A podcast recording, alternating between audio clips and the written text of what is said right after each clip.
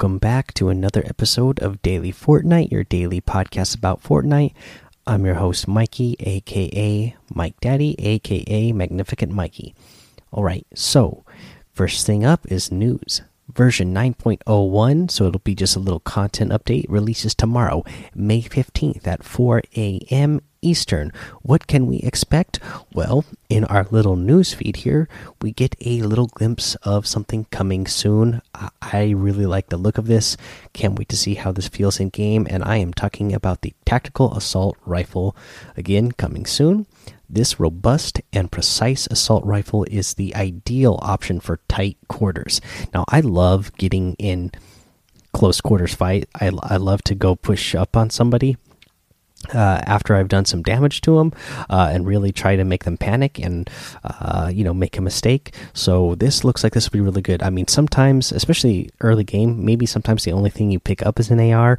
Uh, you know, real early game, uh, and this one is looking like and descri describing as uh, it be an AR that actually can hit good when you are in close quarters. So very excited about that. Looking forward to getting this in the game. Can't wait to play with it.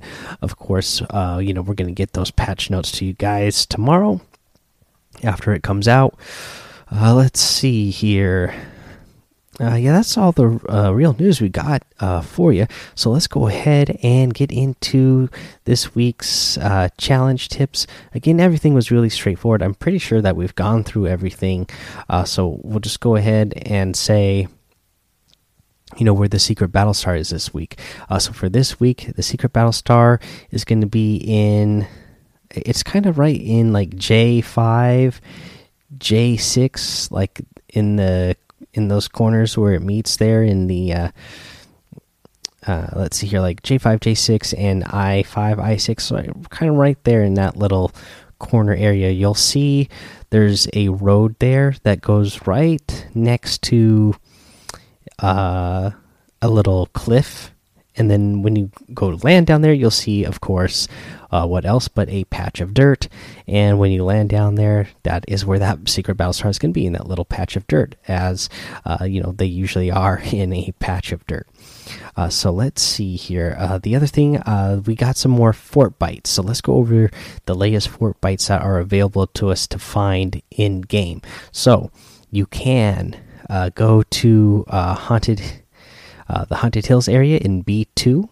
Uh, and so you can go into the northeast corner of haunted hills, uh, and there's going to be a you know one of the small little tombs. You go inside there, and that is where you're going to find that one. we got the number 82 uh, this one, uh, you have you go to D one. Uh, you'll see uh, right towards the edge of the match, um, right towards the edge of the map. You're going to see a cluster of trees. You're going to go to that cluster of trees. There's going to be another like patch of dirt area on the ground. Now, uh,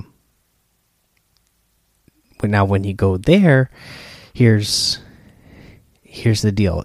You have to do this in squad uh, and you have to do a squad of four, and each of you need to take turns holding down the three buttons.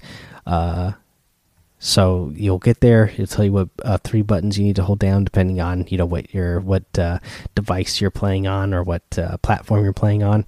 So yeah, go there, and then you guys take turns holding down the buttons, uh, and then you will be able to pick that one up. So yeah, these uh, get a little bit more um, interesting as they go along on how you're going to get these items. Again, come join that daily Fortnite Discord. I'm going to say it here just uh, to remind you guys that there's a lot of people in the daily Fortnite uh, Discord now. I'm pretty sure last time we checked, we have over 200 members in total.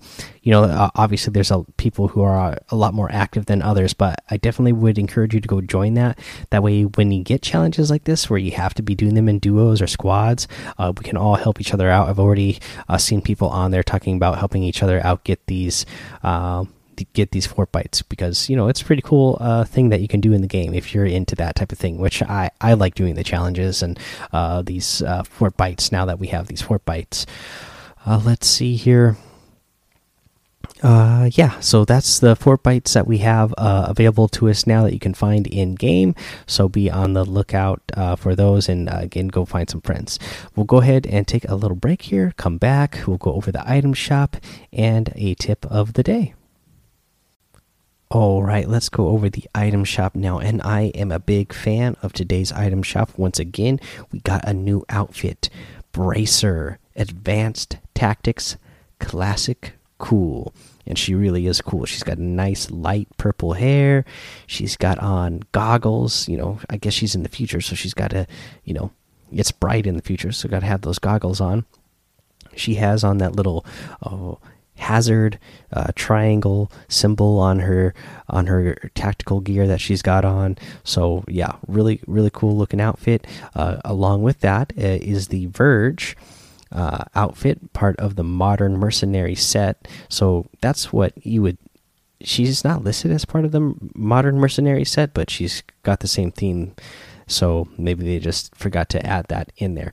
But anyways, we got Verge outfit in there, uh, the clean cut harvesting tool, and the Di Diverge glider. Uh, also, the Dark Bomber. I love the Dark Bomber outfit. Uh, I've loved it since the beginning, so big fan of that one. We also get the Thunder Crash harvesting tool, really cool harvesting tool. The Dark Glyph glider, another glider that I absolutely love. You get the Dance Therapy emote, the Relax Axe harvesting tool, the Jungle Scout outfit, the Sea Wolf outfit, the Starry Flight glider, and the Jazz Hands emote guys if you're going to get any of the items in the item shop today i'd really appreciate it if you use that creator code mike daddy m m m i k e d a d d y in the item shop.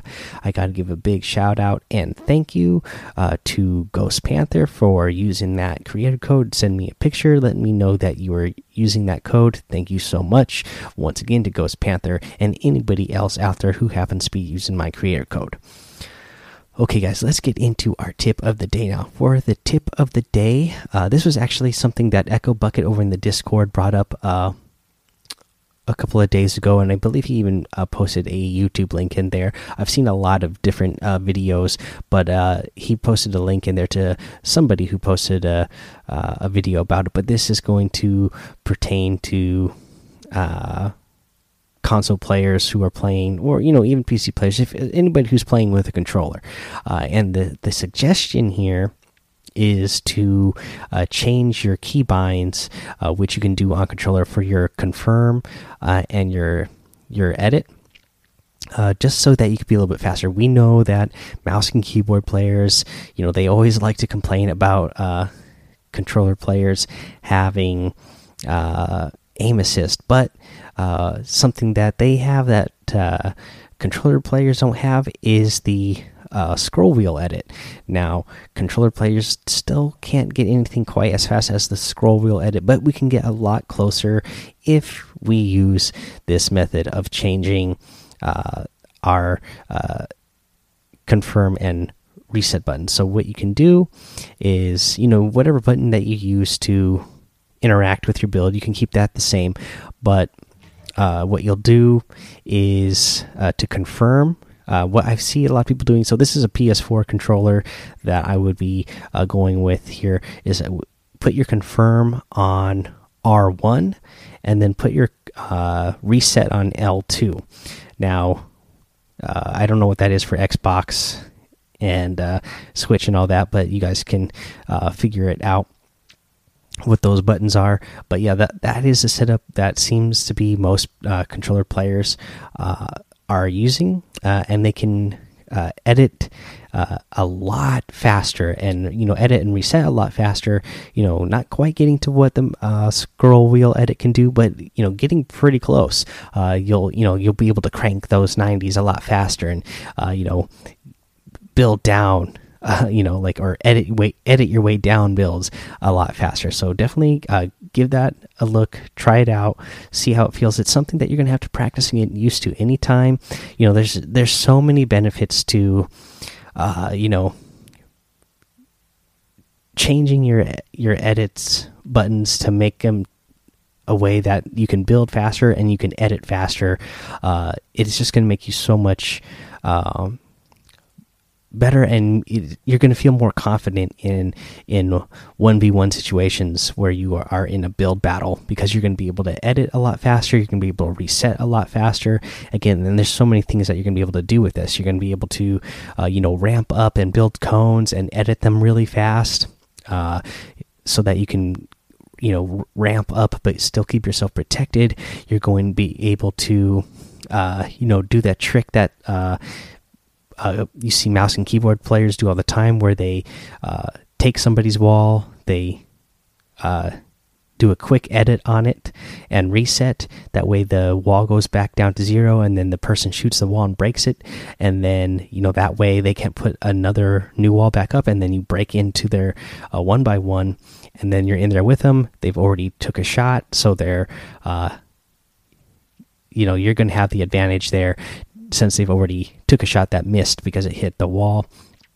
Again, you're going to be able to edit down so much faster. So if you got above somebody, you would be able to edit down into their box faster than they're expecting uh, when you're playing on, especially when you're playing in controller lobbies. So yeah, definitely give it a try, guys. It's it's going to be real beneficial for you.